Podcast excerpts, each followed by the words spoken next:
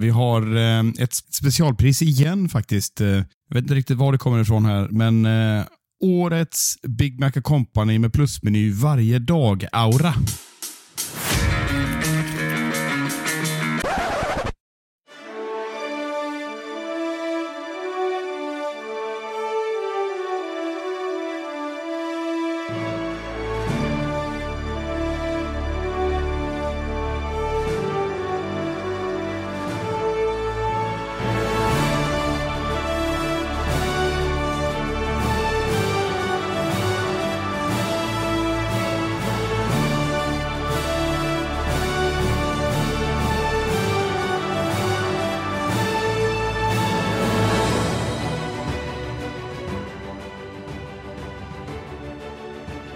Känn dig varmt välkommen till United-podden. Podcasten som du inte visste att du längtade efter.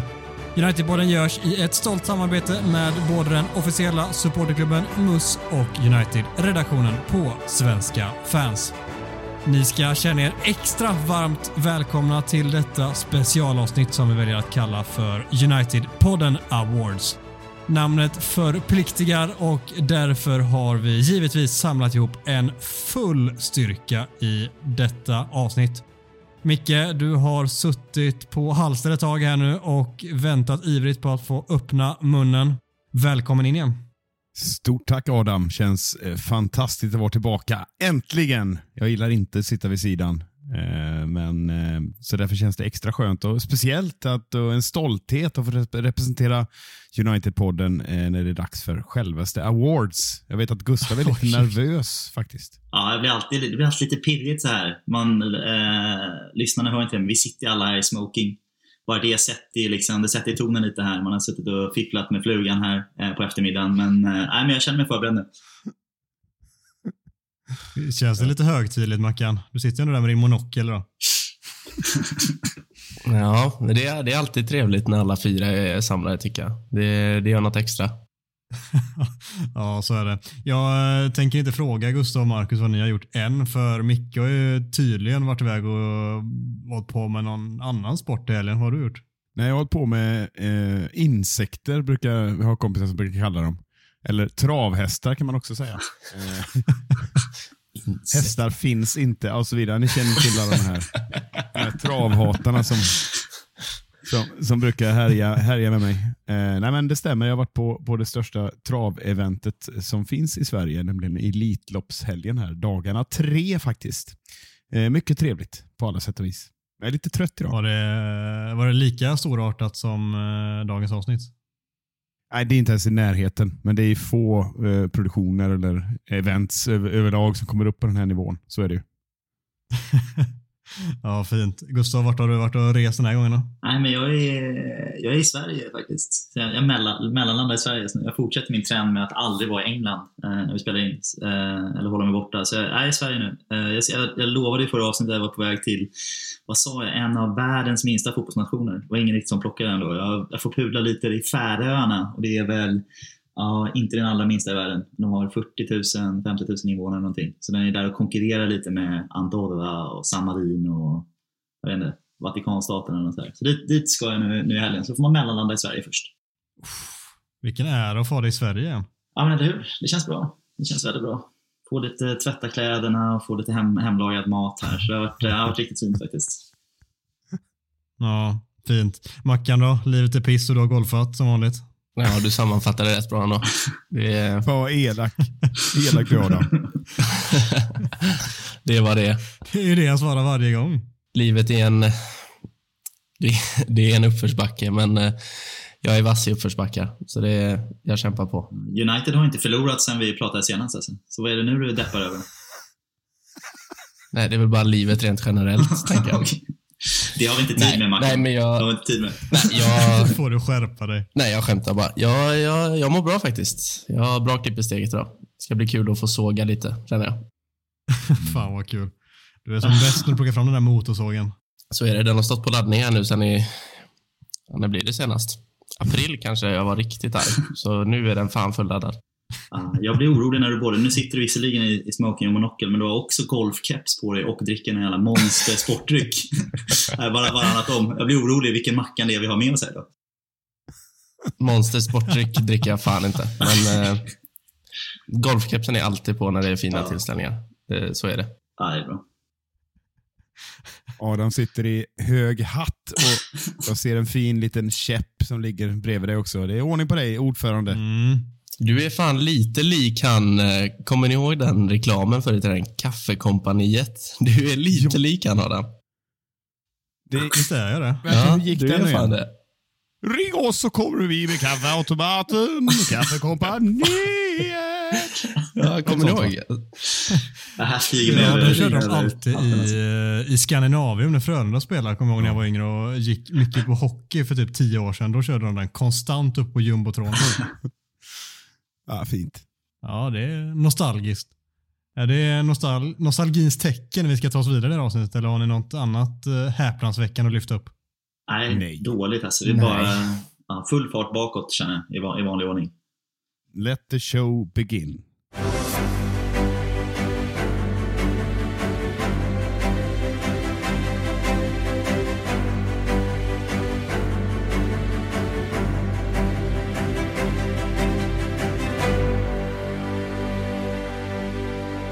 Spelarbetyg, lagdelsbetyg, kalla det vad ni vill.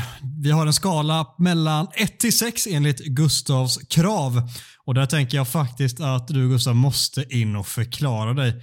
Varför är det så satans viktigt med just 1-6 skala för din del? Nej, men det är viktigt. Ni vet att jag är, jag är siffermänniska. Jag jobbar gärna med... Jag fick ju kompromissa med att inte ha fyra decimaler eh, på skalan. Men då ska jag fan ha igenom att jag får sex stycken eh, olika betyg i alla fall. Nej, jag tycker det är viktigt och det är så otroligt lätt att hamna på en trea i betyg. Som någon typ av eh, mellanmjölk godkänt. Jag tycker att det är viktigt att ta ställning i livet. Så antingen så är man lite svag, lite G minus på en trea av sex. Eller så är man okej plus, G plus på, på en fyra eh, och uppåt. Så ingen, sån här, ingen mellanlandning att man har gjort en okej säsong. Eh, så jag tycker vi ska sticka ut hakan och säga vad jag tycker. Ja, vad får Gustav för, Gustavs betygsskala för betyg, Adam? Nej, nu kör vi. Ska vi börja målvakter? Bra försökt. Kuppa in den alltså. Men jag tänkte, Ja. tänkte vi låter Gustav få definiera vad är en etta ordagrant? Ola, en etta, det är... Eh, ja, men det är ju alltså, kla, klapphuset. Det är så dåligt som man någonsin kan tänka sig att den här spelaren eh, kan prestera. Ska liksom, det ska säljas, ska inte Mm. vara kvar. Det liksom, finns ingen, egentligen ingen upp- uppsida med den här spelaren kvar. Och en trea är G minus, en fyra är G plus och en sexa är... Ja, kommer vi inte hitta några så behöver vi inte oroa oss över. men, ja, men sexa hade ju varit, det, det är ju då absolut, absolut världsklass. liksom. Och återigen då spela på den absolut högsta nivån man kan tänka sig. United är ett lag som ska konkurrera i toppen av Europa och det skulle vi den här säsongen också. Så är man en sexa så har man levt upp till det i sin respektive position. Ralf Rangnick-nivå då enligt dig? Ralf Rangnick, han når inte ens upp till etta på den här skalan. Men jag tycker, ska vi, kan vi inte börja med att prata lite om hans fantastiska session nu? Jag som har suttit och fått så jävla mycket skit här hela, hela säsongen och att det är en sån långsiktig plan med Rangnick. Och det där får vi utvärdera om 5-6 år när vi har sett hur stor nytta han har gjort för oss här. Nu när han inte ska vara kvar längre. Känner jag tre stycken ursäkter som borde komma mot mig. Ja, Micke, du ska få börja den här veckan och eh, du ska betygsätta passande nog tränare och målvakter. Riva av tränare då så får Gustav sitta där och gotta sig en stund. Mm. Ja, men jag tror Gustav kommer tycka om de här betygen, i alla fall eh, ett par av dem. Men eh, jag kommer då inte motivera så jättemycket, utan ni får liksom gissa er till eh, eh, motiveringen här. Eller kan vi komma överens om det? Ja, som vanligt har han inte gjort gediget förarbete och så försöker han få det till att det ska vara något charmigt, att vi alla ska sitta och göra ditt jobb. Men okej Micke, varsågod, kör på. Okej, ja, men då tar vi den andra varianten här. Ungefär en halvtimme tar det att gå igenom varje... Ja. Nej, vi kör, vi kör den snabba varianten. Eh, om vi börjar längst bak här i... Jag har valt att betygsätta alla tre huvudtränare som har haft ansvaret här, eh, inklusive vår kära fine Michael Carrick har fått ett betyg också. Men vi börjar i kronologisk ordning. Eh, den eh, manager som inledde säsongen, Ole Gunnar Solskär. Eh, och jag måste slänga in någonting här, eh, bara en liten bench, så, så vi, vi har någonting att gå på här i jämförelsen. Eh, poängsnittet 1,42 eh, eh, i Premier League och totalt 1,41 när alla matcher räknas in. Ett fantastiskt facit. För det så får man en etta i min bok. Det är totalt jävla genomuselt eh, och levererar det resultatet och det var också det som gjorde att han fick lämna. Sen kom ju Carrick in och var ansvarig i två matcher i Premier League och en match i Champions League och det blev ju betydligt högre poängsnitt. Det blev eh, eh två eh, i Premier League, 2,0 och 2,3 totalt. Vilket är ju avsevärt mycket bättre än eh, sin eh, tidigare kollega Ole Gunnar. Så då landar Carrick följaktligen på en trea på den här skalan. Och då märker väl att han är bedömd som huvudtränare här, inte som assisterande. Och om vi avslutar då med Ska jag bara korka upp champagnen här samtidigt i bakgrunden? Ja, Gör det. På. Jag hörde den. Där föll den över, ja. Just det. Ja, mm, fin champagne också ser jag. Jajamän. Vi... Var det Dompa? Dompa. Fan vad Göteborg alltså. Paul Rocher. Paul Rocher. Ja, kör på nu. ja, ja, fint ska det vara, eh, sa han. Men Raffe då levererar ju trots allt ett lite vassare eh, poäng per match än Ole här. 1,54 i Premier League och totalt 1,45. Eh, det är inte jättevast det heller, men då förtjänar man också en etta i betyg som totalt jävla genomusel. Ja, det godkänner vi. Ja, det... det godkänner vi. Ja, det är dystert ja, ändå. Jag köper det rakt av. Ja, lite, jag tycker faktiskt nu, tre matcher är inte mycket, men man får ändå ge credit till, alltså Michael Carricks matcher här också, är ju, det är alltså Arsenal i Premier League, Chelsea i Premier League och Villarreal i direkt avgörande Champions League-matcher. Jag tror att det är typ, är inte mm. femte som gör att vi också går vidare från gruppen. Mm. Så det är inga Exakt, dåliga ja. matcher han tar, två segrar och en oavgjord. Eh, på. Verkligen. Så jag skulle, jag skulle nog kanske jackat upp det betyget till en fyra eller femma med, med att han bara hade tre matcher på sig. Men ja, så länge Ragnhild får en etta så kommer jag, kommer inte bråka om någonting. Hur känner du då att eh, Ragnik hade högre snittpoäng än Solskär? Det gjorde lite, gjorde lite ont faktiskt, men jag ogillar honom lika mycket ändå faktiskt. Inga problem. det, är bra.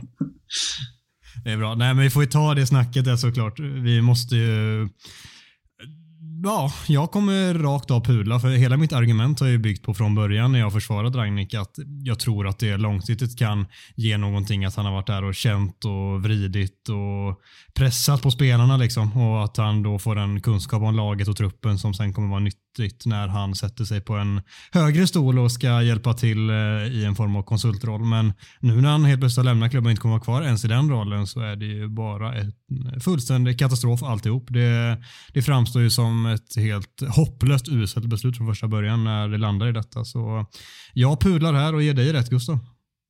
Ibland så. Det är väl, eh, nej men skämt åsido tycker jag det är ju, det är ju väldigt tråkigt. Framförallt man vill, det är klart man vill att det skulle bli bra med Rangnick och jag hade väl också någon förhoppning av att han, ja men att han ändå skulle motbevisa mig då, då här efter säsongen och vara en, vara en viktig konsult och, och leda vår rekrytering eh, framöver här på ett, på ett framgångsrikt sätt. Men det, så blev det inte då. Jag tror eh, själv att han ah, bränt sig lite. Jag, jag, tror att han har varit för negativ utåt och jag tror att han har liksom lite svärtat ner sitt, sitt rykte lite. Att när man känner att man ska börja, börja på ny kula nu med ny tränare, att det kanske är lite tveksamt på om man vill ha han, hans negativa sejour i väggarna här när man, när man går in i det nya bygget. Det är min gissning. Uh, annars hade, hade det här gått bättre, hade han, hade han fått en hejaramsa, hade han varit lite mer populär här bland fansen så tror jag att då hade han fått vara kvar. Då hade man löst det. Jag köper inte det här med att hans jobb på Österrikes förbund kommer ta så himla mycket så att det går inte att konsulta för United. Det är en,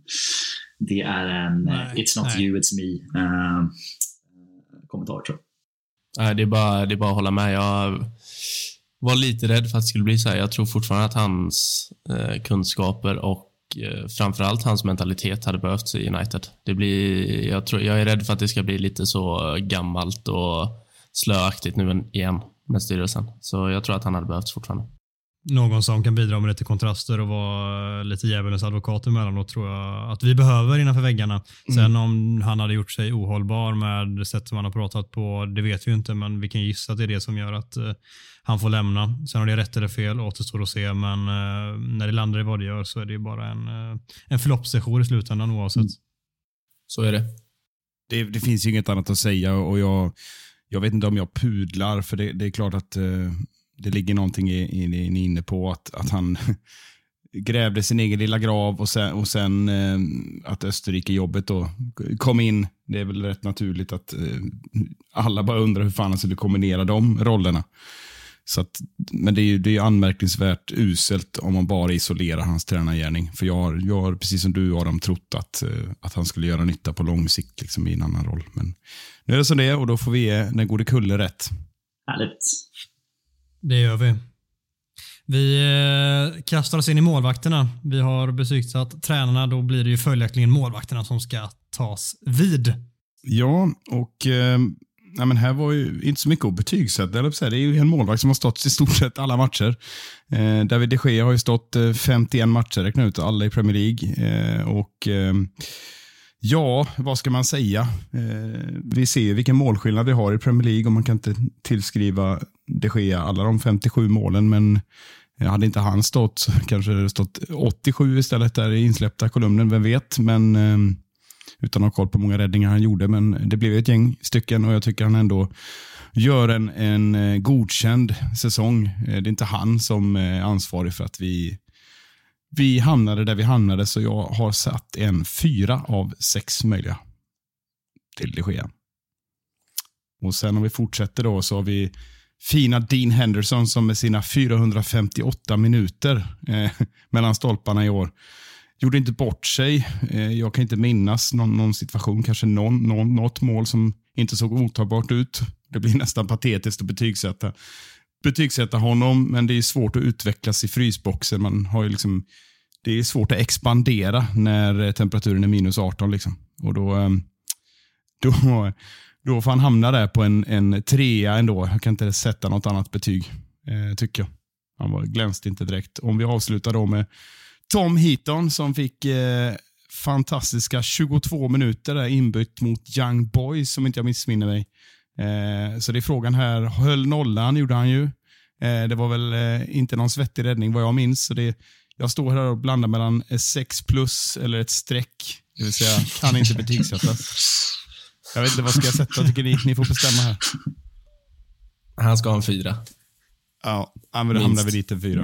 fyra. Påminn mig, jag ser bytet framför mig, jag kan inte komma ihåg, men det var inte ens en skadebyte. Det var någon typ av, det är klart du ska få några minuter byte. Det var inte något jävla konstigt. Ja. Louis van Gaal, mm. Eh, alla ska spela i truppen. Byte. Det var väl Young Boys i sista CL-matchen där på hemmaplan där han skulle in och få CL debutera för eh, klubben han växte upp i. Typ. Mm. Ja, det ogillar jag skarpt alltså. När det går så dåligt för det. Då har man inte råd att hålla på med sådana, sådana här skitbyten. Men ja, Tom Heaton verkar skön.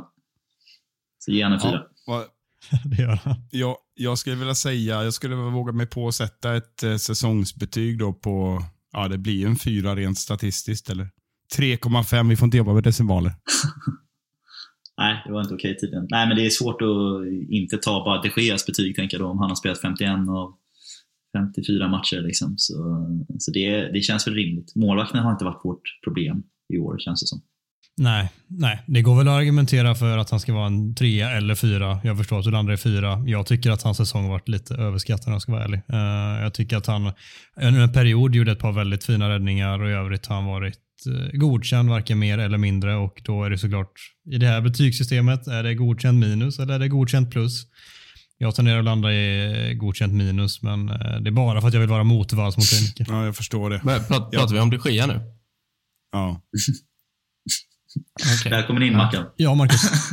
Nej, men jag, jag, jag, jag tycker han ska upp i betyg om man, om man kollar på resten av truppen och får ja, väga in det. Liksom. Jag, ska jag, säga jag tycker att han ska upp mot en femma. Mm, jag håller med. Där är jag med Mackan också. Absolut inte upp. Jag tyckte inte man kunde begära. Jag tyckte han spelar på, det kanske är, hur många säsonger han gjort för United? Ska vi säga att han har gjort 12, 13 kanske? Något sånt nu. En gissning bara. En, en killgissning. Men jag skulle säga att det här är nog en 11, av hans topp 5. det är en topp 5-säsong. Hans, av hans 11 i så fall. Då har han varit ruskigt bra. Ja, men Jag tror inte det alltså. Det blir också lätt, det blir också lätt att eh, vara kritisk mot han med tanke på hur dåligt resten av laget har varit. Men utan honom så hade vi ju garanterat inte landat en Europa League-plats. Då hade vi ju fått nöjda om vi ens klarar oss på övre halvan, typ, är känslan. Att, att Micke ens börjar trassla in sig i någon mening som är typ att man kanske inte kan klandra David Gea för alla 57 målen. Känner att det är liksom, nej, han har svårt. Jag tycker att han, det är inte många av de där 57 målen som man kan klandra honom för känner jag. Jag tycker att det är inte jättemycket tabbar alltså, utan snarare tvärtom att han har, han har räddat oss. Ja. Finns, finns något i det. Men eh, vad får jag för betyg på min betygssättning då, Gustav?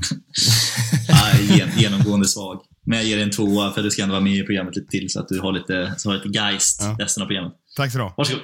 Då har vi eh, rivit av två stycken delar. Näst på tur står Mackan som ska ta hand om backlinjen. Nu blir det inga höga betyg till det. Det kan jag lova. Nej. Vad, Får du ens sa ihop vi nu? sex Vad, vad, poäng på när du slår samman dem? Liksom? Ja. alltså det, är- det är på håret. Eh, vad sa vi nu? Eh, klappusel var ett. Eh, G minus var tre, va? Så eh, tänker jag att då utgår vi därifrån, för det är det enda ni behöver veta, tror jag. Eh, men vi kan väl börja med han som har varit sämst då. Eh, trumvirvel kommer eh, till allas förvåning, vår kapten. Den klumpigaste spelaren i fotbollshistorien, Harry Maguire. Eh, hade jag kunnat ge noll så hade jag gjort det, men han får ändå en etta. Eh, den sämsta säsongen jag har sett av en ordinarie försvarare i ett Premier League-lag.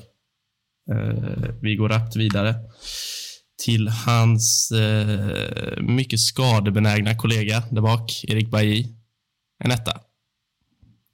Vi går vidare till svensken som brukar flankera Maguire. Victor Lindelöf, en tvåa.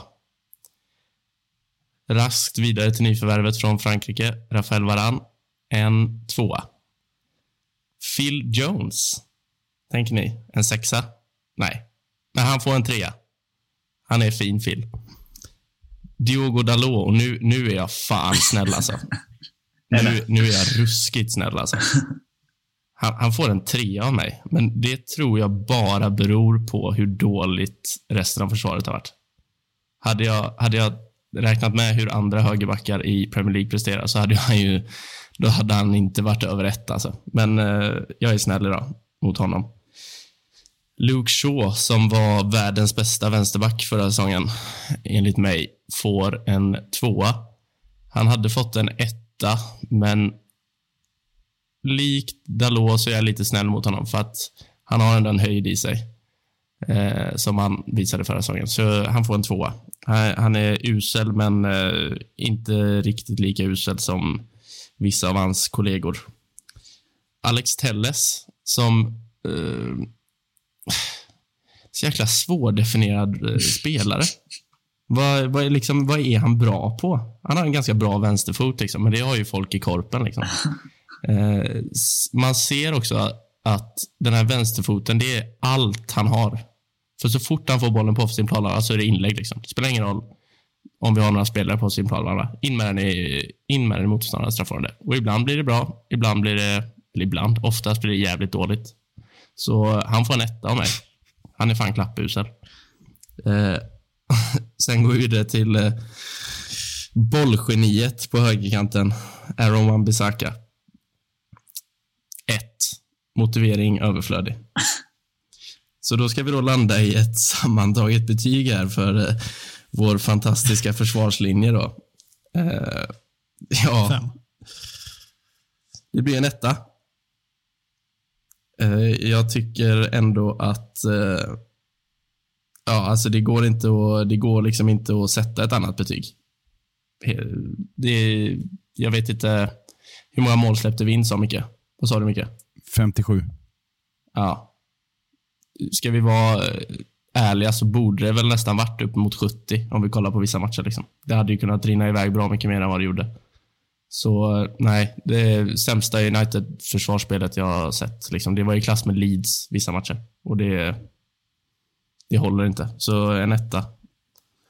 Nu får ni komma in och såga mig eller hålla med mig.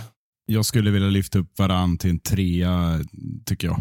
Jag tycker ändå han har varit eh, minst dålig. Det, det är den enda anmärkningen jag har. Resten tycker jag håller med.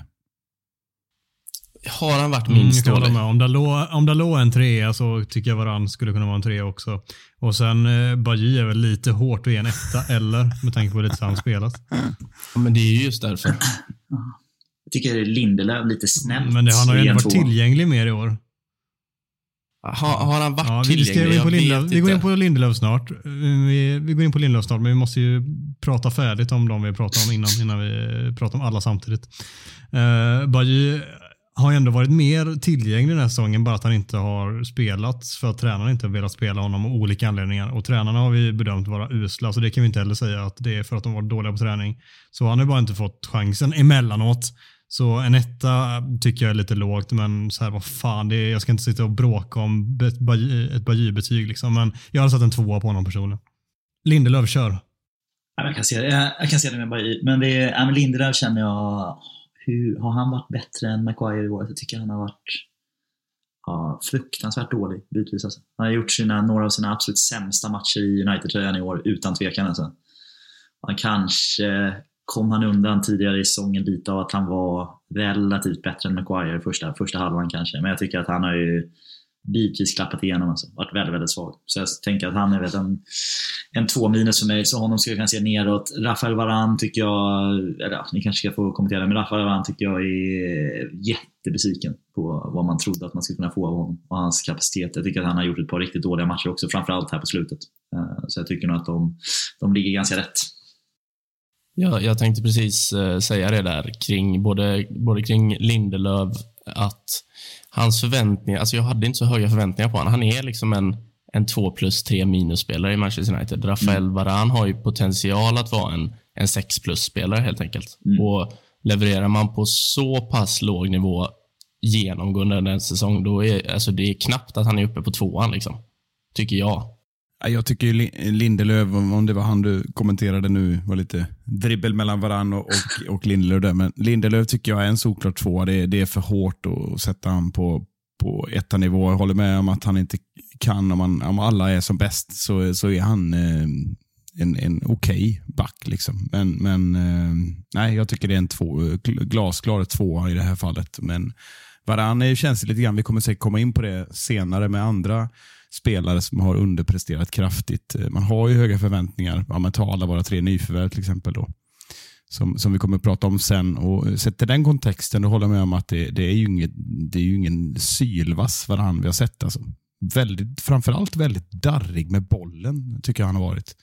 Och Det har förvånat mig, men eh, jag tycker ändå genomgående bäste försvarare. Mm. Sen måste jag bara få säga det med Maguire där också. Alltså, han verkar ju också vara helt dum i huvudet och det kan ju påverka mitt betyg. Alltså, det är ju inget, det är inget geni till fotbollsspelare och lagkapten Manchester United har. Han, har. han har ingen självkänsla och ingen taktkänsla över vad han ska säga och när han ska säga det. Han gör, han gör ett mål i en träningslandskamp för England och firar genom att glida på knän och kupa händerna vid öronen.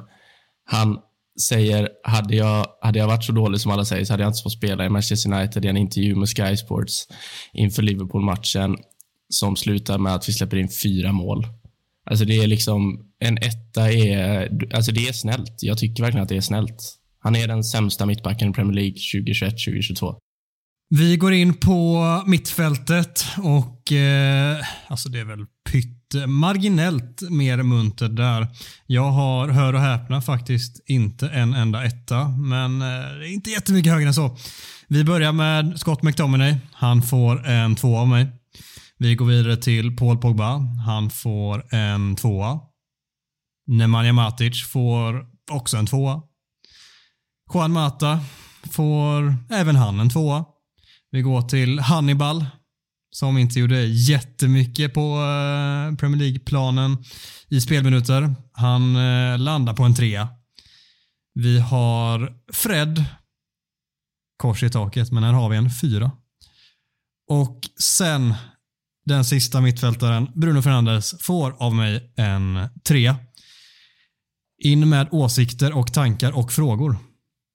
Ja, jag tycker det är rätt vettiga betyg. Jag har noterat att eh, jag krafsade ner en trea på Matic, tycker jag borde höjas upp. Eh, gjort en typisk Matic-säsong.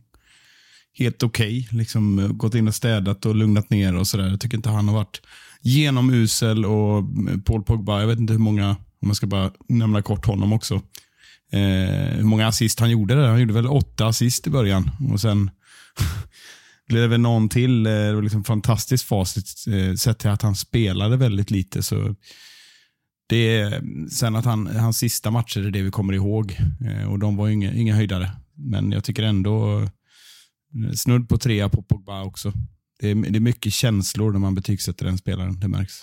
Ja, visst. Ja, men så är det verkligen. Och i grund och botten, så här, det vet nog de flesta som känner mig. Jag älskar Paul Pogba och att sätta en tvåa på honom, det tog emot. Eh, anledningen till att jag gjorde det är lite det som du säger att det blir nog rätt så, ganska lätt så i våra betyg nu generellt att man låter den andra halvan av säsongen väga lite tyngre, mm. för det är det man har färskast i minnet och eh, då blir det ofta så. Men eh, alltså, ja, jag satt och vägde om han skulle upp på en trea och då var det just av anledningen som du sa där att i början på säsongen så matade han ju fram assist och var väldigt, väldigt bra också. Såg väldigt spelsugen ut. Det såg ut som att han verkligen ville det här också den här säsongen. Att verkligen visa att eh, han är en så mycket bättre spelare än vad han har fått kritik för och att han har ett sista år liksom, kontrakt med United och att det fanns mycket i det om han skulle få nytt kontrakt eller om han ville annanstans. Att han kände att han behövde bevisa sig. Men sen efter det så tycker jag inte han har varit bra alls. Det var en period i början där han var väldigt bra och sen så några enstaka prestationer här och var. Men överlag så har det inte varit tillräckligt bra. Dels för att han typ aldrig gjort sig själv tillgänglig och dels för att han i stora perioder inte varit bra överhuvudtaget. Det är inte en etta det går att lyfta till en trea. Jag väljer att landa på en eh, tvåa på Pogba. Matic köper jag, det har gått att sätta en trea absolut. Men eh, på det stora hela har mittfältet varit så dåligt att det är svårt att lyfta honom till en trea också därför. Innan vi släpper in de andra vill jag bara kommentera Pogba-statsen där som är ändå alltså, 16 matcher från start, 9 assist. Det är lika många som Harry Kane som är extremt hyllad. Så, mm. ja. Men, men gjorde han inte alla de Absolut. assisten på typ tre matcher? ändå. Jo, men han hade ju typ 6-7 assist efter första 3-4 omgångarna och sen så hände det ingenting. Och Det är det jag tycker att han var så otroligt bra i början. Och sen hände det ingenting efter typ första 6-7 matcherna eller vad det nu var som eh, det började vända. Men eh, ja, som sagt, det hade gått att lyfta en trea. Jag eh, står ändå fast vid min tvåa. Har du rätt i tycker jag. Jag är bara främst glad över att Fred får en fyra. Alltså jag har vänt så mycket kring honom sen i höstas. Alltså det är min favoritmittfältare i United nu. Alltså. Han är så, eh, han är så god. Ja, det får väl bli som en sån här... Han är glad att tänka på Det är som en andra pudling här, för det, är ändå, det var lite vår, vår genomgående sågning här i början av när vi lanserade den här podden. Det var väldigt mycket skämt om Fred. Så till den grad att min mamma var lite, vem är den här stackars Fred som ni pratar illa om i varje, varje avsnitt? så, så det har ni glömt. Även där är det lite så syndrom att man kommer ihåg senaste, senaste halvan av säsongen. Men jag håller med, jag tycker att han har varit jättebra. En av våra bästa, om inte bästa utspelare. Ja, verkligen. Vad tycker ni om betyget på Bruno då? Det är en spelare som vi har debatterat en del i, både i podden och eh, i vår kära WhatsApp-tråd. Tycker ni att en trea är rimligt på honom? Jag tycker det. Alltså, han blir väldigt utskälld för att han inte gör 60 mål och 60 assist varje säsong. Eh, sjuka siffran, liksom helt okej okay siffran då. 10 mål, 6 assist. Eh, även om han har varit långt ifrån bra så siffrorna talar ju för, till Brunos fördel att han borde vara en av de bästa. Men sen sett till förväntansnivå så är det ju ett rimligt betyg tycker jag ändå. Alltså han vinner ju även assistligan i Champions League, sjukt nog. Han är den spelaren i hela Premier League som har skapat flest målchanser, alltså created chances, för spelare som Trent och Kevin De Bruyne under säsongen. Det är statistik, jag vet, och eh, han har inte alls varit lika bra som tidigare och man kan kräva mer av en spelare som varit så inflytelserik tidigare. Men eh, jag, liksom när jag väger de här sakerna mot varandra så landar jag ändå i ett godkänt minus eh, på hela säsongen. Ja, jag, jag, tycker att det är, det är ett bra betyg. Han ska, han ska varken högre upp eller lägre ner tycker jag. Jag tycker att eh, ja, alltså det som jag är mest besviken på med Bruno är nästan hur, hur han typ betett sig på planen sista, alltså det har varit extremt sista halvåret. Han ser liksom ut som en åttaåring som inte får godis på lördagen. Det, det är gnäll varenda gång någonting litet händer. Det, och visst, han har alltid varit lite gnällig så, men då har det ändå varit i perioder. Nu har det liksom varit genomgående hela tiden.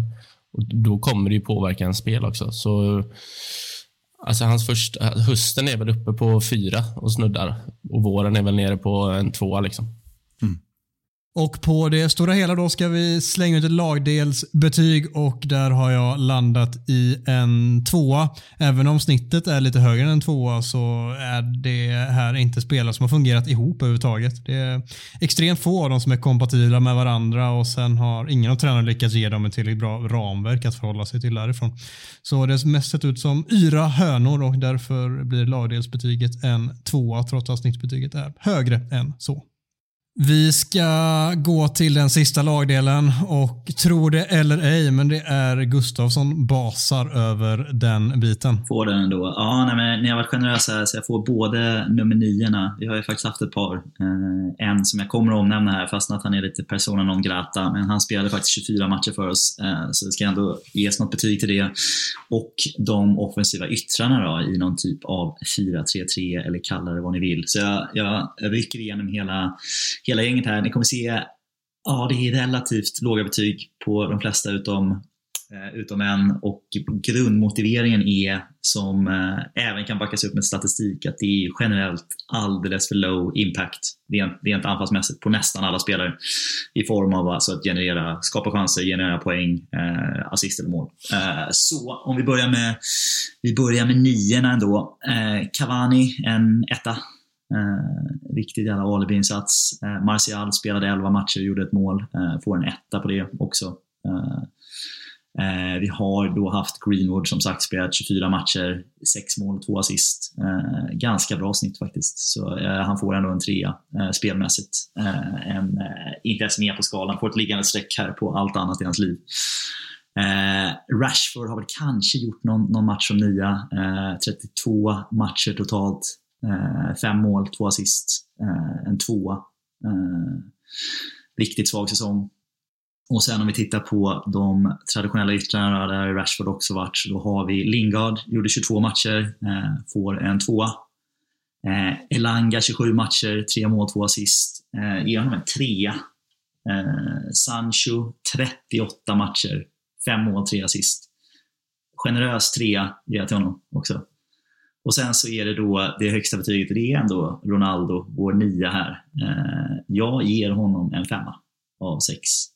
Jag tycker att han har, det är väl den som vi har debatterat i chattar och, och poddar förut, men jag tycker att han har levererat nästan allt som jag förväntade mig att han skulle göra i år, eh, när, när han kom in. Eh, och jag tycker att det är, är verkligen inte hans problem eller hans fel att vi inte gör fler mål eller att vi inte presterar bättre som lag. Jag vet, vad, jag vet vad kritikområdena är på honom, men jag tycker att 24 mål på 38 matcher och den typen av mål han gör också eh, i form av det känns som att 21 av 24 mål är direkt avgörande. Eh, antingen poängräddare eller för att kamma hem alla tre poängen och i de matcher han har, han har dykt upp. Så för mig är det en femma. Så varsågod och, eh, och bemöta.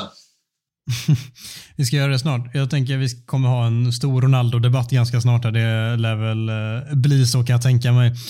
Eh, till att börja med så vill jag först att vi går igenom ditt lagdelsbetyg. Vad har du landat där? Det blir en, jag säger en trea då och det blir också lite på David de Gea-nivån här. Ronaldo har spelat alltså 38 matcher och, och drar upp snittbetyget där lite men absolut underkänt på lagdel tro, alltså om man tittar på, Micke verkar ha somnat där vid Transfermarkts eh, statistiksida igår, så du kan ju Kalle Allenberg. Men det, om man tittar där, alltså extremt lite assist och mål från våra, vad som ska vara våra mest offensiva spelare. Det är betydligt fler poäng från, Telles har gjort fler, fler assist än, än Sancho. Det är nästintill alltså. Det är, I alla fall Luke Shaw har gjort det och det är ett sånt jävla underbetyg alltså, på, på offensiva. Så jag sätter en trea och nästan lite generöst alltså. Ja, jag tänkte säga det. Går nästan att sänka det till en tvåa. Eller? För det är en spelare som har producerat liksom OK-siffror eller mer än OK-siffror och sen övriga är ju liksom, det, det är inte bra. Nej, verkligen. verkligen. Ja, jag skulle sänkt det till en tvåa faktiskt det, det godkänner jag absolut. Men det är ändå om jag ska vara krass då, alltså de som har spelat mest här så är det ju då Ronaldo som nia och så är det egentligen Elanga till höger och Sancho till vänster eller, eller tvärtom och då är ju det en trea på Elanga, en trea på Sancho och en femma på Ronaldo. Eh, så någonstans hamnar jag i en trea, men det är, alltså, mm. som lagdel är det katastrof. Absolut sämst, sämsta offensiva säsongen.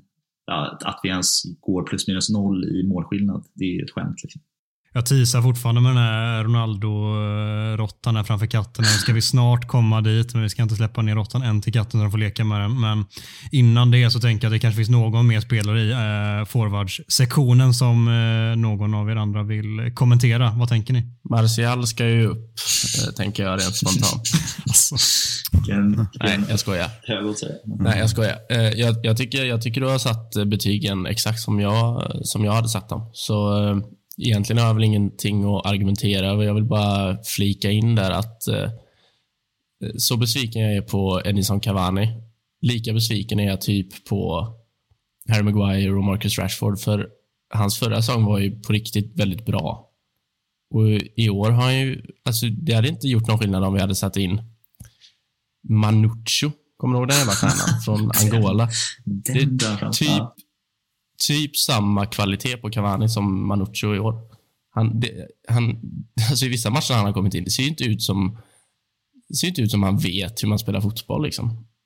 Så jag är typ, alltså, ja, det är likt där. Alltså, Maguire, var snällt att ge honom en etta. Jag tycker det är snällt att ge Cavani en etta också, för uh, jäklar vad dålig han har varit. 20 matcher, två mål, en assist. Snitt 45 minuter per match. Och det är inte att han har inte spelat 15 minuter per match. Han har absolut inte spelat lika mycket som Ronaldo som spelar i snitt 80 minuter någonting per match. Men det är ju alltså en målskytt som gör två mål på 20, 20 framträdanden. nej, det är hopplöst. Det är hopplöst. Jag vill bara flika in med Rashford. Du gav honom en tvåa va? Japp. Ja, och så här, ni vet hur mycket jag älskar Rashford, men jag hade varit benägen att sänka honom till en etta faktiskt. Det, det är typ två, tre matcher som han varit Ja. bra på hela säsongen. Mm. Jag håller med. Jag tycker Rashford är en solklar etta. Alltså totalt usel.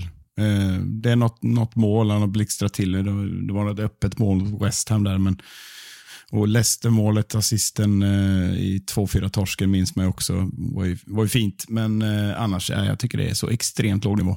Så den, den skulle jag vilja skruva ner. Han har varit jätte, jätte, jätte dålig. Men då är det så här, det är ändå, tittar där på statistiken och jag vet att jag kanske får mer mothugg på Sancho då, men då spelar alltså Rashford gör 32 framträdanden, Sancho gör 38. Rashford gör fem mål, Sancho gör fem mål, så lika många mål.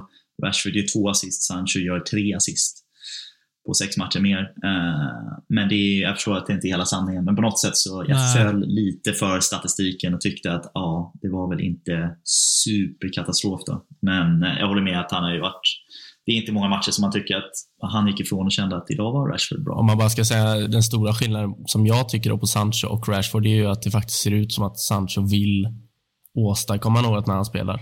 Rashford har inte sett ut som att han vill spela fotboll i år. Så jag köper fan att eh, Adam och Micke vill ha ner till en etta. Det hade jag också godkänt egentligen.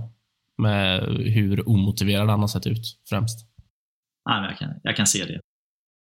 Mm, ja, bollen har liksom studsat ifrån hans fötter konstant och i Sanchos fall så, så här, man ser att det finns mycket fotboll där att han försöker och många gånger så lyckas han och bidrar mycket mer i spelet på andra delar än just poängproduktionen. Men i Rashfords fall så liksom det är bara den lilla poäng, poängproduktionen som har funnits den här säsongen och det smärtar mig något enormt att se det men det är så det har varit. Nej, men jag håller med. Och det kanske är väl, det är väl, väl dags att gå in i, i nummer nio diskussionen då. Men jag kan väl ändå få knyta ihop det så kan jag känna att det är ju så jävla underbetyg för alla offensiva spelare förutom nummer nio då att, att man inte lyckas göra fler assist när man har en sån otroligt bra box nummer nio som ändå Ronaldo är. Det kan vi alla komma överens om att han är ju liksom världsklass på sina löpningar, läsa spelet i boxen eh, med huvud eller fötter eller vad som helst för att göra mål. Så det är otroligt att spelare som Sancho, Rashford, ja, Lingard, Elanga allihopa egentligen inte har kunnat skapa fler mål för Ronaldo egentligen. Och göra, det är inte de som gör assisten utan det är Luke Shaw, Telles och Fernandes och Pogba som har gett, eh, gett assisten. Och det tycker jag är ett sånt jävla underbetyg. Vi tar eh, Ronaldo-snacket här nu och så tänker jag att vi går varvet runt först och så kollar vilka betyg alla hade satt. Gustav vet vi hade satt en femma. Micke, vad hade du satt? Femma också, jag är överens. Marcus? Jag hade nog fan också satt en femma alltså. Jag hade satt en fyra på honom.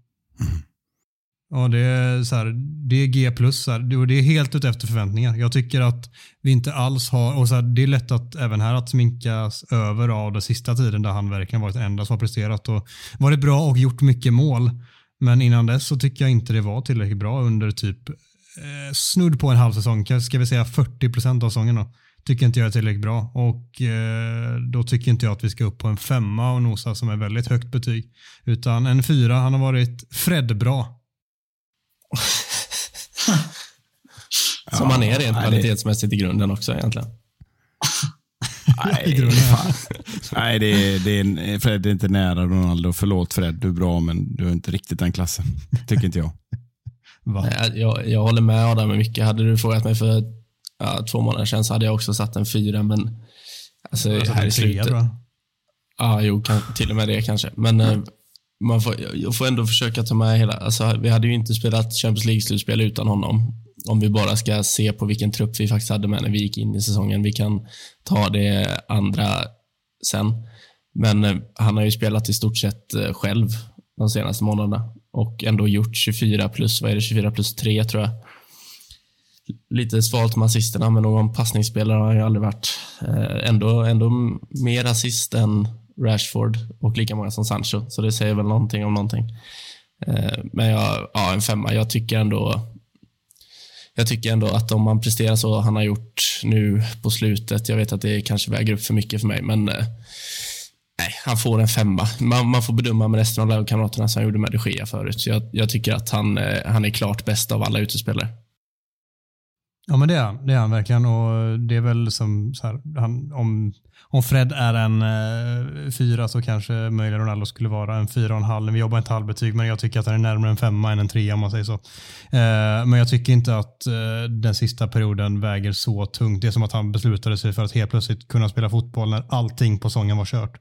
Då helt plötsligt började han spotta in mål, men när vi behövde honom som mest i december, januari och februari, då gör han två eller det är tre mål på 14 matcher och bollarna studsar ifrån honom. Han bränner straff, han missar öppna mål. Liksom. Det är, när vi behöver honom som mest, den spelaren som vi ska kunna luta oss tillbaka mot. Han som har vunnit så mycket, som har den alltså, enorma karriären och den superkaraktären som han är med alla förväntningar som han kliver in i. Han kommer med helt andra förväntningar den här säsongen. Där kunde vi inte lita på honom överhuvudtaget när vi behövde honom som allra mest. Sen efter det har han varit kanonbra, men då var hela säsongen körd också. Där, där håller jag med dig, för där, jag, vet att, eh, jag vet att Gustav mycket tycker annorlunda här, men alltså den perioden. Herregud, det var Cavani-klass på honom då. Det var liksom ingenting som funkar. Där rånade han Alltså, ju inte, bland annat... inte i tio matcher alltså. Jag köper inte det. Och inte i 14. Jag håller med om att det är tre, fyra matcher då han är Nej, gud nej, det är så mycket Alltså, fler. riktigt dålig. Men det är inte, han är inte så usel i alla de här matcherna. Vi är som lag genomusla i alla de här matcherna. Det ska vi inte glömma heller. Så som lag helt klappusla. Och jag skulle säga att hälften av dem så är väl han på den nivån. Men de andra så är han liksom relativt okej, tycker jag. Och det är därför han får en fyra av mig, för att han är relativt okej. Nej, men det här har vi liksom, det här har vi diskuterat och du vet också att när du ringar in de där 14 matcherna så gör han ett hattrick matchen innan och ett hattrick matchen efter. För att liksom, så det är statistiken där som ser, det ser inte så bra ut att han bara gör ett mål på, på vad är det, ja, tiotalet matcher där. Men eh, jag, jag tycker att liksom, det som drar upp hans betyg är att man ska inte, man ska inte underskatta den typen av mål han gör. Jag tycker inte man kan säga det tillräckligt många gånger att det är nästan alltid avgörande mål. Det är nästan alltid när det verkligen, verkligen behövs som han steppar upp och det är, det är värt mer än ett mål. Det är liksom de här, så mycket som jag uppskattar Berbatovs fotbolls och bollgeni liksom, så hade han en förmåga att komma in när vi redan ledde med tre bollar och göra hattrick. Liksom. Och det är fantastiskt för statistiken men det är också liksom man vill ha de där jävla liksom, 90 minuterna man behöver ett mål för att, för att liksom, borta mot Atalanta eller om det var hemma eller vad det var. Ja, men liksom, för, för att ta oss vidare och det är ju han, där har han varit mästerlig. Världsklass i år tycker jag. I ett Måste du, måste du bärsa Berbatov då? Fan, nu blir jag ledsen här. Ja. Micke, du ska, få, du ska få hoppa in här. Jag vill bara säga det att eh, vi pratar liksom om ett betyg där vi är en fyra eller femma, så att ni inte tror att jag sitter och argumenterar för att han ska vara underkänd på något sätt, Ronaldo. Inte i närheten. Jag tycker att han är godkänd plus, men ni tycker att han är ännu mer än så och det är, där vi, det är den debatten vi håller just nu. Micke, vad vill du flika in med? Nej, jag ville flika in och jämföra med lite andra spelare i ligan. Mohamed Salahs vårsäsong är inte jättevass. Visst, han har varit iväg och spelat Afrikanska mästerskapen och förlorat allt med, med Egypten. Och, och, eh, och sådär. Och kanske haft lite skadekänningar. De har spelat många fler matcher. Harry Kane var inte lysande hela säsongen heller. Eh, alltså alla stora målskyttar har perioder under säsong. Det, det går inte att, att vara som Leo Messi för 12 år sedan eller Ronaldo för 12 år sedan hela tiden. Liksom. Göra mål i alla matcher. Alltså det, det, är inte, det är inte möjligt. Och lägger man då till att han är 37 år och levererar på den nivån. Det är inte konstigt att han har en svacka. Han är dessutom inte vara fräsch eh, under hela säsongen. Det får vi inte glömma. Så jag tycker ut, ut, utifrån hur laget har presterat, utifrån den aspekten så gör han ju en sanslöst vass säsong. För det är katastrof, inget spel, byter tränare, totalt haveri, eh, allt vi har pratat om. Han består liksom med sin klass och då, då ska man ha en femma tycker jag. Ja, nej, det är lite därför jag landar på en femma också. Man, man får ändå ha i beaktning hur det har sett ut runt om honom. Och då, han, har gjort, han har gjort jävligt mycket av ganska lite under stora delar av säsongen. Men Eh, i, i, december, januari, februari, då var han, då var han ruskigt. Då rånade han Sancho, Rashford och gänget på några assister där. Det var öppna mål och det var det var eh, jättelägen från fem meter ut liksom, som han bara sätter i sömnen i vanliga fall. Så då var, då var han ju, jag går emot Gustav helt Han var fan klapphusel i tio matcher. Liksom. Det var han verkligen. Det jag tänkte säga var så här, jag tycker att han i början av säsongen fram till den usla perioden är kanske en tre, möjligen en fyra. Sen är han alltså på riktigt en etta, möjligen, möjligen en tvåa under eh, där eh, 10, ja, jag säger 14 matcher, men 10 kan vi sträcka oss till. Och sen efter det så är han en femma och då tycker jag inte han kan få en femma för en hel säsong. Det är där jag landar. Ni håller inte med och vi har hört argumenten. Det eh, vi kan landa är att han var vår bästa spelare den här säsongen åtminstone. Eller? Vill ni se någon annan? De Gea kanske? Nej, ja, precis. Nej, men av utespelarna så är väl han och, han och Fred kanske och det sker väl där uppe och konkurrerar. Jag trodde bara jag trodde skulle få lite mer mothugg på Sancho här. Jag känner för er som har lyssnat gediget på United-podden här så kan ni gå tillbaka och lyssna 25 avsnitt där han hyllas som världens bästa, bästa spelare. Och framförallt två av, av podd, podddeltagarna här. Så en trea på Sancho. Att det är ingen som, jag trodde ni skulle försvara honom mer och ge honom ett högre betyg. Men ni, ni vill pula där också?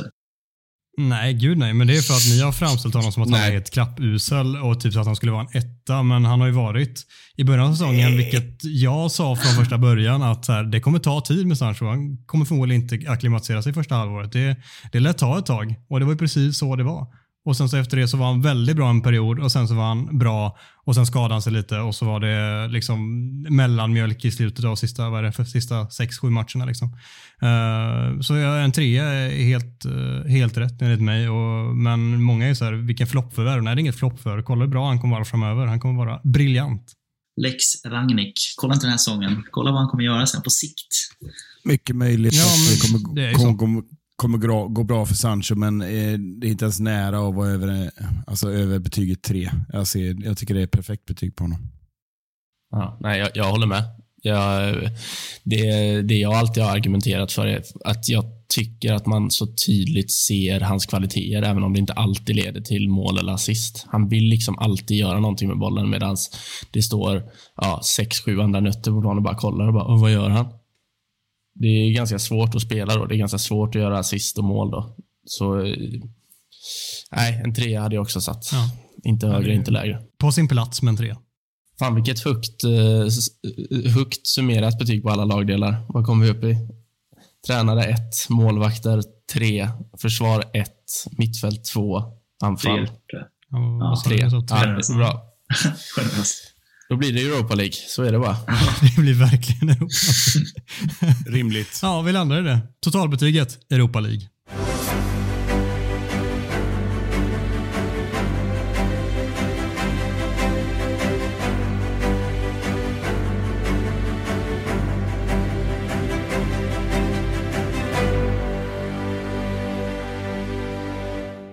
Ja, ni lyssnar på United-podden Awards och det har blivit dags för avsnittets sista segment, prisutdelningen.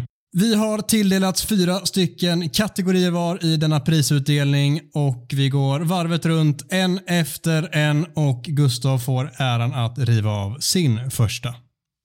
Ja, men jag, jag börjar med årets tränare.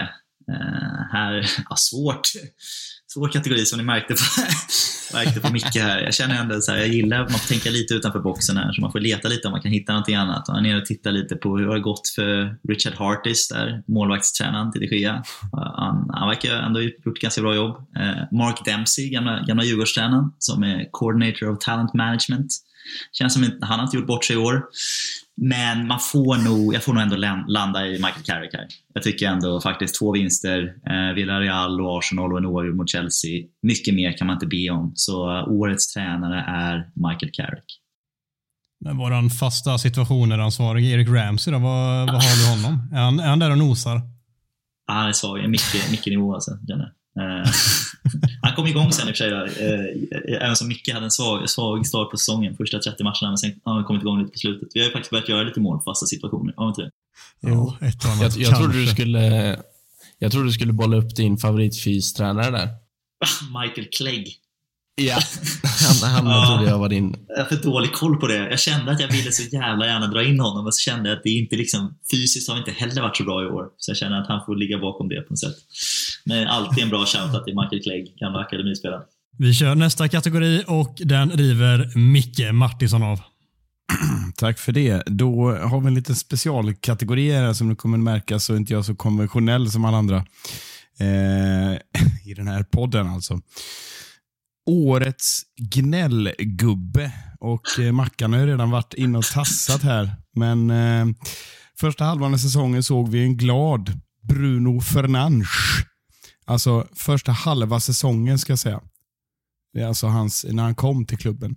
Sen dess har han ju successivt förändrats från liksom Ole Gunnarsk, liksom sådär lite härlig och leende och mysig som ett jävla lamm. Liksom. Eh, och sen eh, uppnå liksom någon slags Peppe Dani Alves-nivå på grisgnälla. Liksom. Eh, och för att använda Nikla, Niklas Wikegårds språkbruk, ni vet hockey, eh, tyckaren. Eh, han bor i ansiktet på domaren brukar han säga och det gör ju Bruno. Han står där och vevar med sina armar, ser ut som en väderkvarn och så gamenacke i alla situationer han inte får med sig och himlande med ögonen och så går den här munnen i ett, i ett, i ett, i ett. Årets gnällgubbe, Bruno Fernandes. Det skriver nog alla under på. Jag känner att det villade bort oss där. Nu kände jag att nu ska Mackan få sig en känga som årets gnällgubbe. Jag började prata om honom också. Så här fintade du bort mig. Den hade jag varit värd. Mackan, kör din första kategori. Årets spelare fick jag. Så att man har slickat sig om fingrarna och bara, åh, får jag tänka tillbaka på den här fantastiska säsongen igen. Eh, nej, men det, det är ganska lätt. Det är Cristiano Ronaldo. Den enda, den enda bubblan är väl eh, egentligen David de Gea. Möjligtvis Fred, men det hade varit att ta i, tänker jag. Så ja, Ronaldo bäst. Vi går vidare och eh, jag eh, kör min första kategori i denna prisutdelning. Jag fick årets akademispelare och eh, den är väl tämligen enkel att dela ut den också. Den går till Alejandro Garnacho som vann Jimmy Murphys Young Player of the Year och var instrumental i våran FA Youth Cup-vinst. Ja, verkligen. Jätte, jättebra. Man tänkte att du skulle få tänka lite utanför boxen där. Du kan plocka James Garner som precis har tagit upp sitt Nottingham Forest till, till Premier League. Men det är väl rimligt att vi kanske håller inom Uniteds gränser här. Jag tycker det. Gustav, din nummer två. Eh, årets comeback. Eh, hade man kunnat tro att det är Cristiano Ronaldo eh, som har varit så efterlängtad, men eh, jag väljer ändå Phil Jones. Jag tycker att det är nog ändå på något sätt, det är en förlust, det är en hemmaförlust, men ändå nog på något sätt min favoritmatch i år att se Phil Jones göra 90 starka minuter i en 0-1 förlust hemma mot Wolves. Jag tyckte ändå det, det var nog det gladaste jag var på något sätt under hela säsongen. Så Phil Jones får årets comeback. Underbart. Micke? Ja, det, det, är så jävla passande, för jag hade en specialkategori här som eh, nu olyckligt sammanföll med den, den tidigare här. och det är, en, eh, det är en liten request här från Twitter, Twitter, när vi bad om lite kategoriförslag, så kom det årets Phil Jones-grimas. och eh, det har jag utsett och den går föga överraskande till Phil Jones. och, då har jag skrivit lite, förberett en lite, lite motivering här, men den påminner väldigt mycket om Gustavs. men ändå någonstans en tidig januarikväll mot Wolves, dök han plötsligt upp efter två år utan spel. den gode Phil gjorde comeback på planen och var ett av, det var också ett av mina favoritögonblick under säsongen, vilket säger en hel del. Men vi känner igen grimaserna, för nog gjorde ju Phil en Phil-grimas när han nickade bollen rakt ut i gapet på Moutinho som kunde måtta in segermålet i den 82 minuten. Skön comebacken då efter två år och göra en felfri match i stort sett.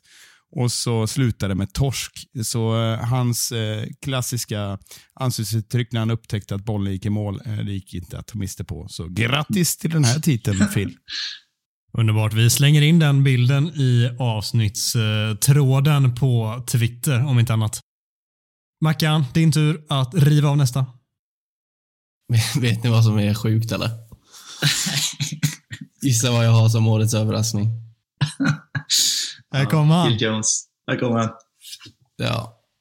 En kall december... Nej, januarikväll. Nej, jag skojar. Nej.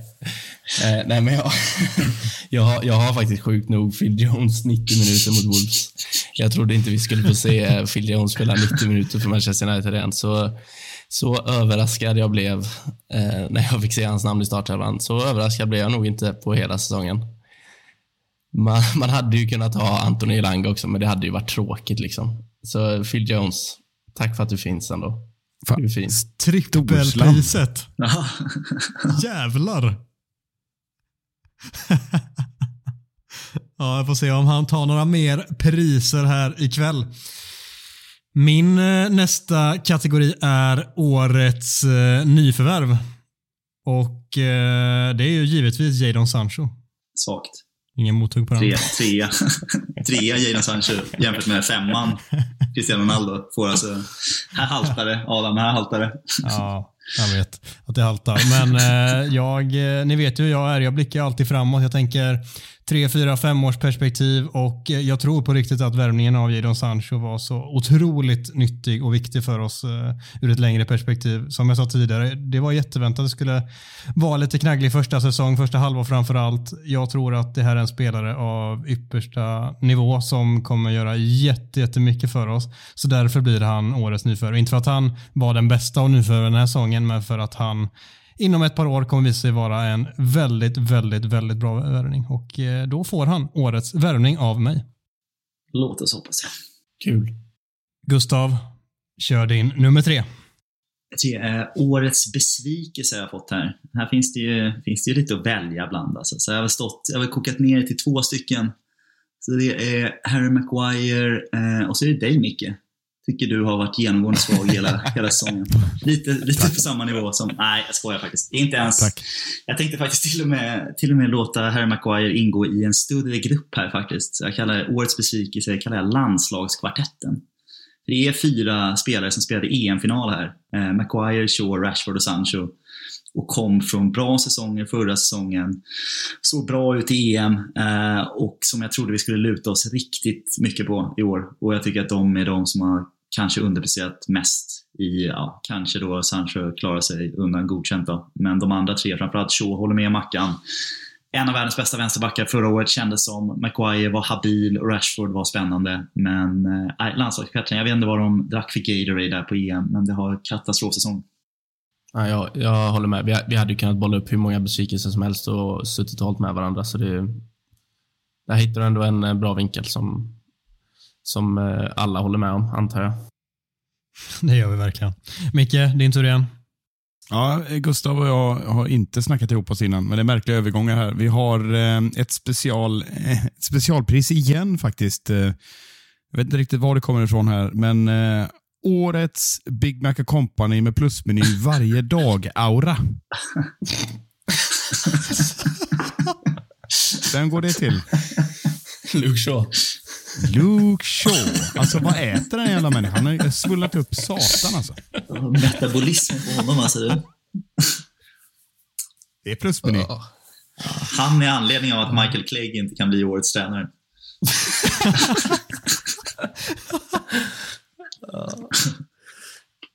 Ja, vi var inne på det i höstas redan och nu har han fan svullat upp lite till. Det är, det är imponerande bara det. Ja, vad har du pratat om då? Han käkar pannkakor till frukost varje dag. Och nu, han måste Med ju ha sylt gått och next socker. level härifrån.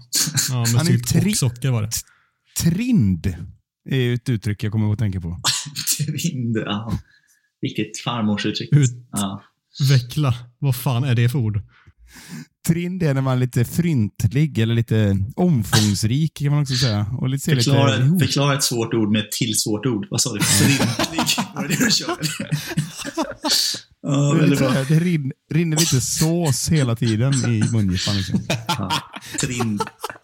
Det är väl att man är lite tjock och god sådär, tänker jag. Ja. Ja, det är absolut inget fel att vara lite mullig, men på en fotbollsspelare på absolut elitnivå så är det inte optimalt. Det kan vi ändå slå fast. Nej. Jag tror inte Harry Maguire är rädd för en Big Mac Company med plusmeny varje dag heller, ska jag sägas. Nej, nej. Verkligen inte. Nej, bra, bra specialare, Micke. Mackan, vad kommer du med? Årets sämsta match kommer jag med. Den roliga.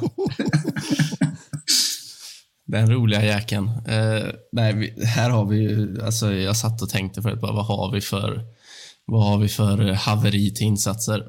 Eh, och det är ju en del, för att vara snäll. Men eh, alltså jag, jag, jag landar nog fan i, i Brighton borta, 0-4.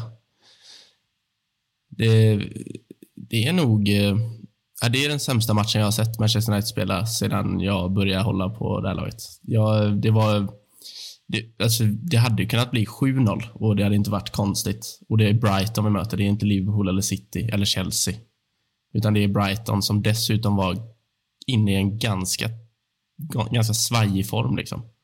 Och som har haft problem med målskyttet och gör fyra mål på ett Manchester United som ändå kämpar om en Europaplats. Det är, är det patetiskt, löjligt och klappuselt. Så det, det var säsongens sämsta match. Ja, det är väl alltså egentligen bara Watford borta emot där vi torskar med 4-1 mot ett lag som åker ur sen också. Vi är snudd på lika dåliga, men jag köper det helt. Brighton 0-4.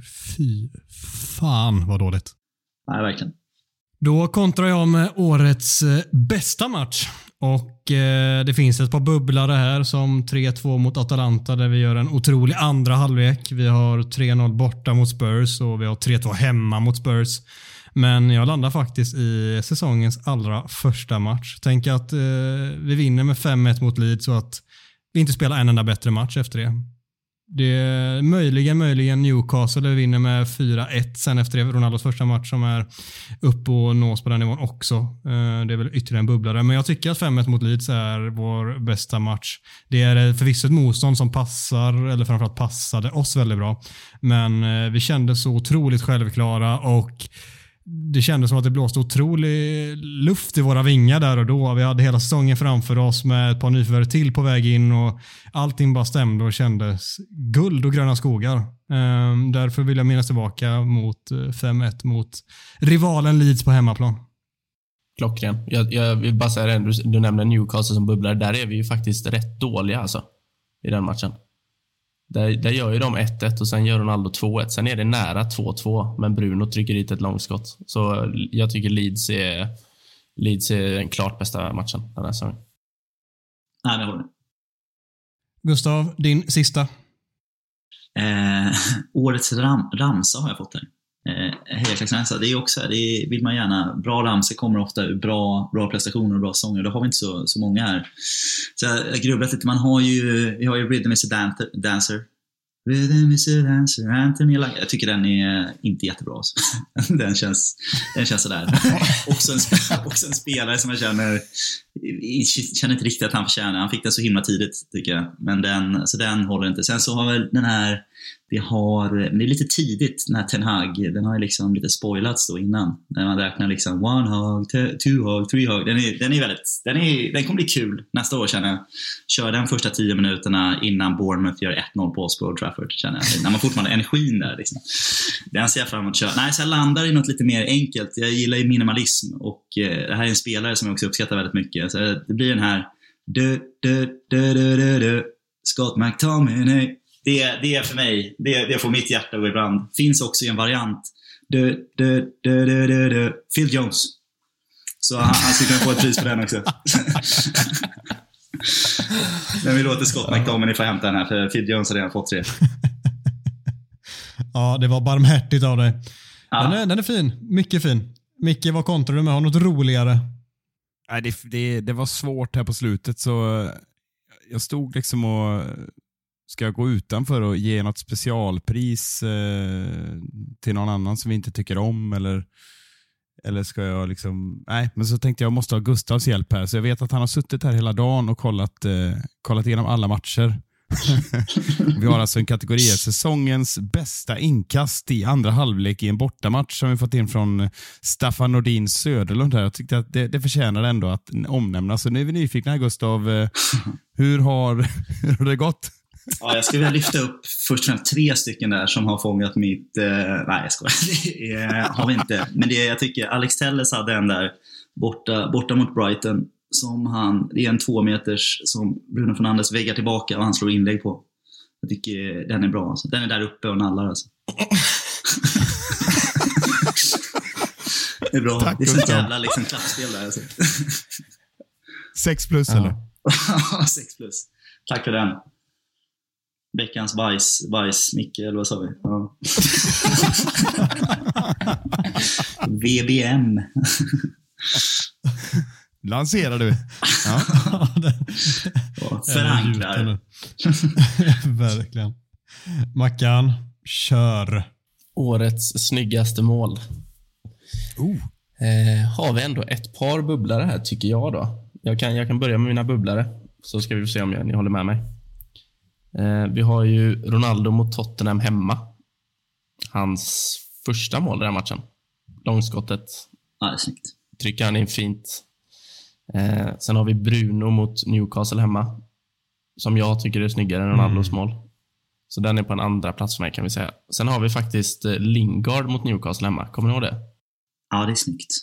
Just det, när det, Pogba typ släpper den mellan benen eller någonting, eller hur är det? Det är Martial som gör det. Geniet Martial bara hoppar över den snyggt. Pogba vrickar fram det. Ja, och så en liten vrickning från Lingard och så placerar han in den i burgaven. Men eh, vinnaren är ändå Ronaldo Tottenham borta. Ja, tveklöst. Ja, Den är underbar från basten. Mm. Mm. Ja, Ja, det är magiskt. Ja. Det, jag, jag tycker att det, det är tekniskt svårast och passningen är fin och den sitter liksom i, i precis bredvid stolpen. Liksom. Så det är ja, klart snyggast, tycker jag. Kul att få prata om något fint och bra som United har gjort. Fan vad härligt. Ja. Ja, jag tar ner det direkt därifrån och säger bara jag håller med. Och Sen så ska jag då såklart prata om årets fulaste mål. och här satt jag och funderade ett tag. Jag tänkte det måste vara jättelätt för en dålig sak måste man ju bara göra fula mål. Tänkte jag. Men eh, alltså, jag vet inte om ni har några jättekonkurrenter till det här målet som jag lyfter upp nu. Och det jag har valt ut är Edison Cavani borta mot Newcastle. Jag vet inte om ni minns det, men det är ett inlägg Ja. från Dalot på högerkanten där Cavani först skjuter i täcket, får turligt med sig den tillbaka och sprattlar till med högerfoten och den rullar lite så här retligt in bredvid, eh, jag tror det är Darlow som står i mål då i Newcastle-målet. Det är ju inte det snyggaste i världshistorien, men jag önskar att vi hade gjort fulare mål än så. Eller jag trodde framförallt att vi skulle ha gjort det.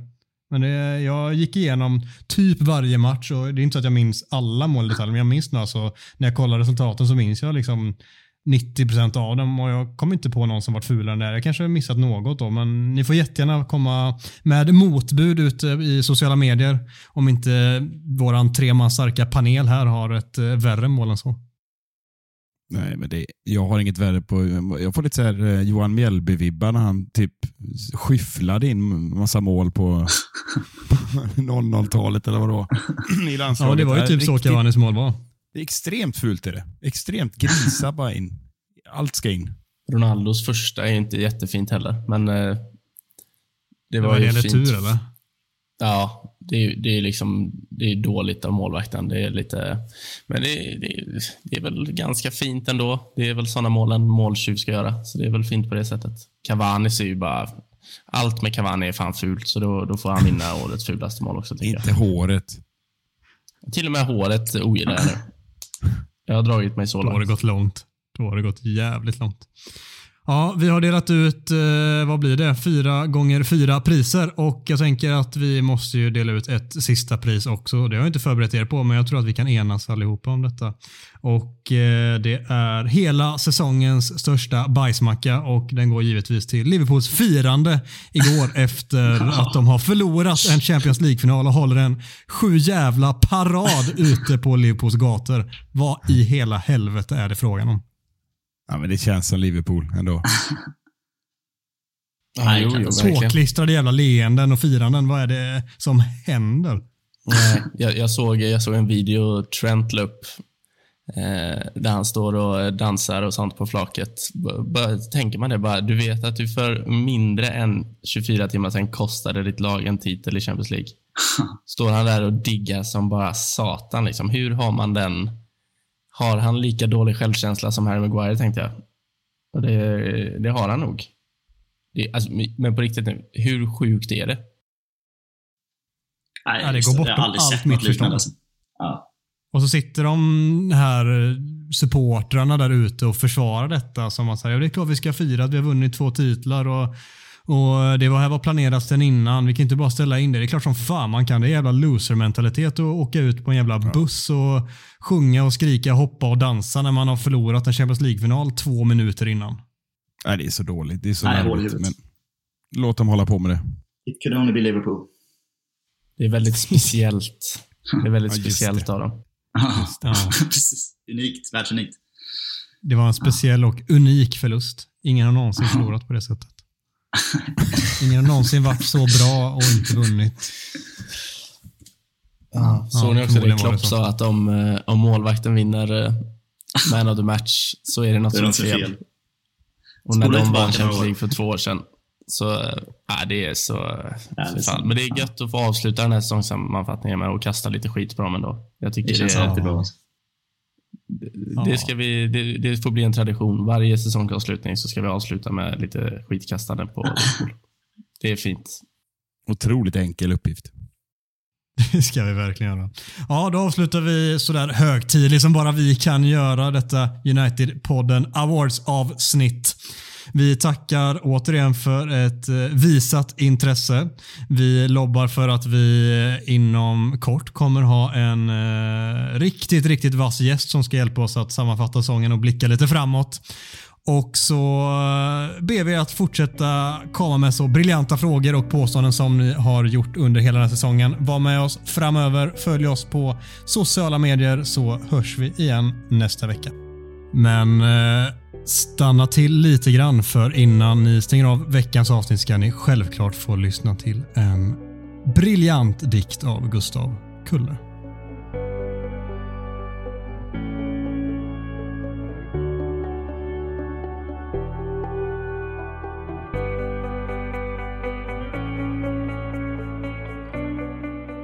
Den säsongsuppehållstid nu kommer, med pust och förträngning stor. För vad hände med säsongen? Det är knappt mina ögon jag tror. Andra platserna skulle uppgraderas och de titelfria säsongerna utraderas. Men innan julskinkan svettats ut var säsongen redan slut. Där stod en anfallstrio som skulle förgylla året. Det var den unge, den gamle och han med håret. Den första skämde ut sig och suddades ut. Ett par Instagram-stories senare var hans karriär slut. Den andra var en katastrofcomeback om man lyssnade på fansens Twitter-vrål. För dåligt pressspel, då räknades tydligen inte 24 mål. Sist ut var matadoren som brukade bjuda på målfester. Han snyftade in 250 000 pund i veckan och gick på tidig solsemester. Bakom den fanns vår spelfördelare som kan hitta rätt adress i varje kommun. Men ska jag betygsätta hans säsong med en färg får det nog bli det. Brun. Och många ögonbryn höjdes och våra fans fick snopet konstatera att vår svagaste länk Fred var en av våra bästa, dock utan att briljera. Bakom honom en generös grupp som gladeligen släppte vem som helst fri. Fotbollen är ju sekundär när man bara är här för att söka alibi. Men det kvittar väl när hans miljonlön känns som rea.